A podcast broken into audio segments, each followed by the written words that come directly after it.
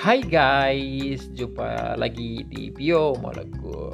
Di dalam episode kali ini saya hendak bicara tentang satu topik yang berjudul mikroplastik. Apaan tuh? Oke.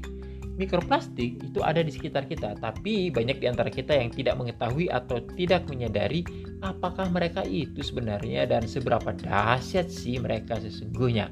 Oke, penelitian menemukan betapa berbahaya dan menghancurkannya sampah plastik terhadap habitat laut.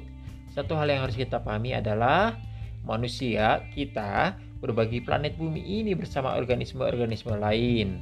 Sehingga kalau ada apa-apa tuh pada salah satu jenis organisme di bumi ini, maka e, organisme yang lain itu akan terdampak ya cepat atau lambat itu akan mempengaruhi organisme lain termasuk manusia. Terlepas dari ukurannya mikro kecil sangat kecil malah mikroplastik adalah ancaman besar bagi lingkungan. Manusia harus melakukan sesuatu tentang ini secepatnya. Apakah mikroplastik itu? NOAA National Oceanic and Atmospheric Administration uh, mendefinisikan mikroplastik adalah partikel plastik kecil yang berukuran kurang dari 0,2 inci atau 5 mm ya bayangkan aja biji wijen. Ya tahu wijen? Itu tuh yang ada di kue yang namanya onde-onde itu kue yang sangat uh, rumit dibuat ya. Onde-onde itu sangat susah dibikinnya. Apa yang membuat onde-onde susah dibuat? Dibikin itu loh nempelin wijen satu-satu sampai menjadi sepenuh begitu. Itu wah susah itu. Oke nah bayangkan ada jutaan plastik seukuran biji wijen mengambang di lautan setiap hari. Menurut sebuah sumber di tahun 2014 aja peneliti memperkirakan bahwa ada sampai 51 triliun mikroplastik di lautan. Jumlah ini 500 kali lebih banyak dibandingkan dengan jumlah bintang di galaksi Bima Sakti. Banyak banget.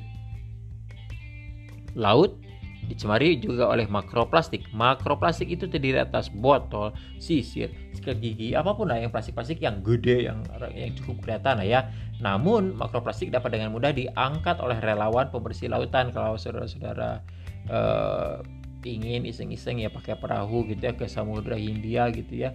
Lalu kemudian pungutin botol-botol. Itu mudah uh, makro plastik itu uh, terlihat mudah terlihat dan uh, bisa di dengan mudah diambil. Nah, tapi bagaimana dengan mikroplastik? Karena ukurannya yang sangat kecil, mereka tidak mudah untuk ditemukan, apalagi diangkat.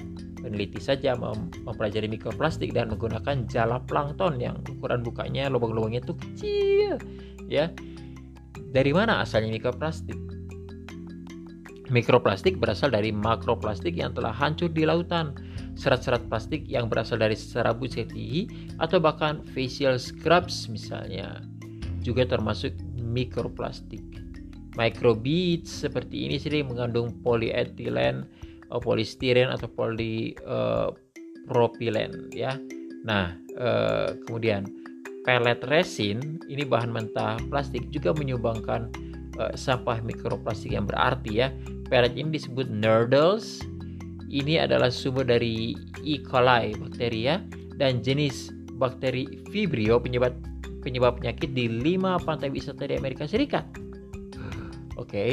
mikroplastik juga berasal dari pakaian sintetis seperti bahan-bahan nilon, spandex, asetat, polyester, akrilik, dan rayon. Saat dicuci tuh sikat, sikat, sikat, sikat gitu ya mereka melepaskan benang-benang halus mikroplastik yang terbawa hingga ke laut.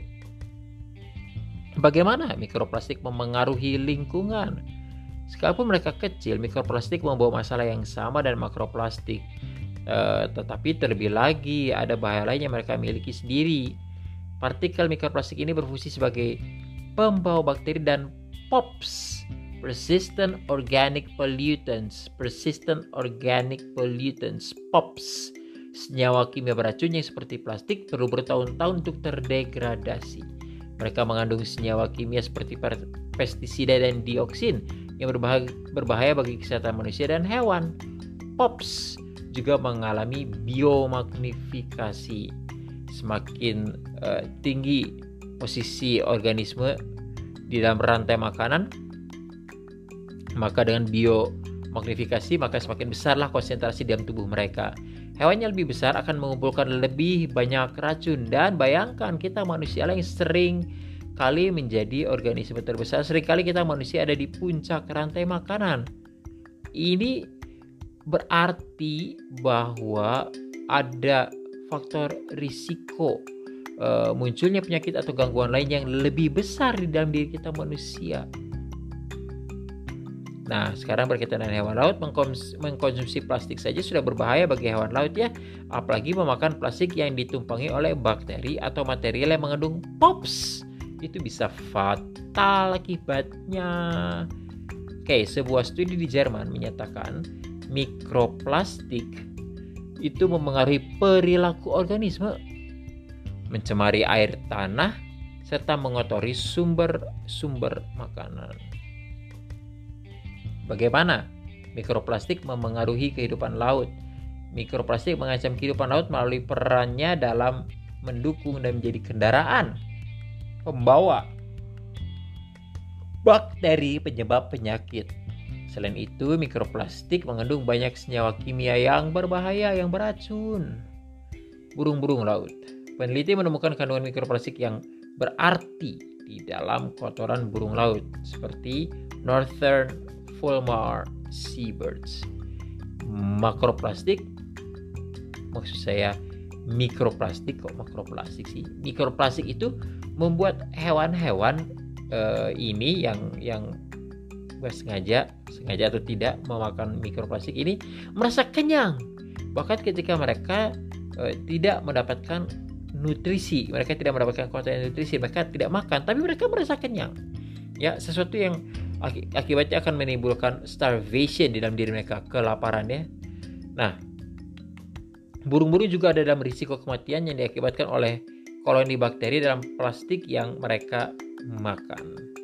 Ini yang paling penting pertanyaannya adalah bagaimana sih cara kita untuk memperlambat penyebaran serpihan uh, plastik? Mikroplastik, sampah mikroplastik. Oke, uh, caranya adalah lakukan minimal salah satu dari satu membeli pakaian uh, dengan bahan serat alami. Jadi jangan beli yang rayon dan sebagainya. Saya sebutin tadi. Cari yang bahannya serat alami sehingga ketika dicuci sikat sikat sikat sikat sikat tidak akan menghasilkan uh, serpihan-serpihan uh, mikroplastik. Oke, satu. Kedua, menggunakan barang-barang yang uh, dapat dipakai kembali reusable ya uh, items. Kemudian melakukan recycle atau daur ulang plastik dan yang berikutnya adalah menggunakan transportasi alternatif. Ini bicara tentang kalau uh, apa namanya kita pakai kendaraan uh, seperti mobil dan sebagainya gitu ya itu itu ban ban ban itu akan menghasilkan serpihan mikroplastik ya. Dan kalau itu sampai ke bawah ke perairan ke bawah ke laut wah itu kan menambah lagi ya mikroplastik. Well demikianlah episode tentang mikroplastik dan ini itunya. Semoga bermanfaat. Mari kita mendukung upaya mengurangi produksi dan penyebaran mikroplastik agar dunia ini dapat dihuni dengan penuh sukacita karena semua organisasi tidak terganggu terganggu oleh ancaman bahaya yang dibawa oleh mikroplastik ini. Thanks for listening, guys. May God bless us all. Bye.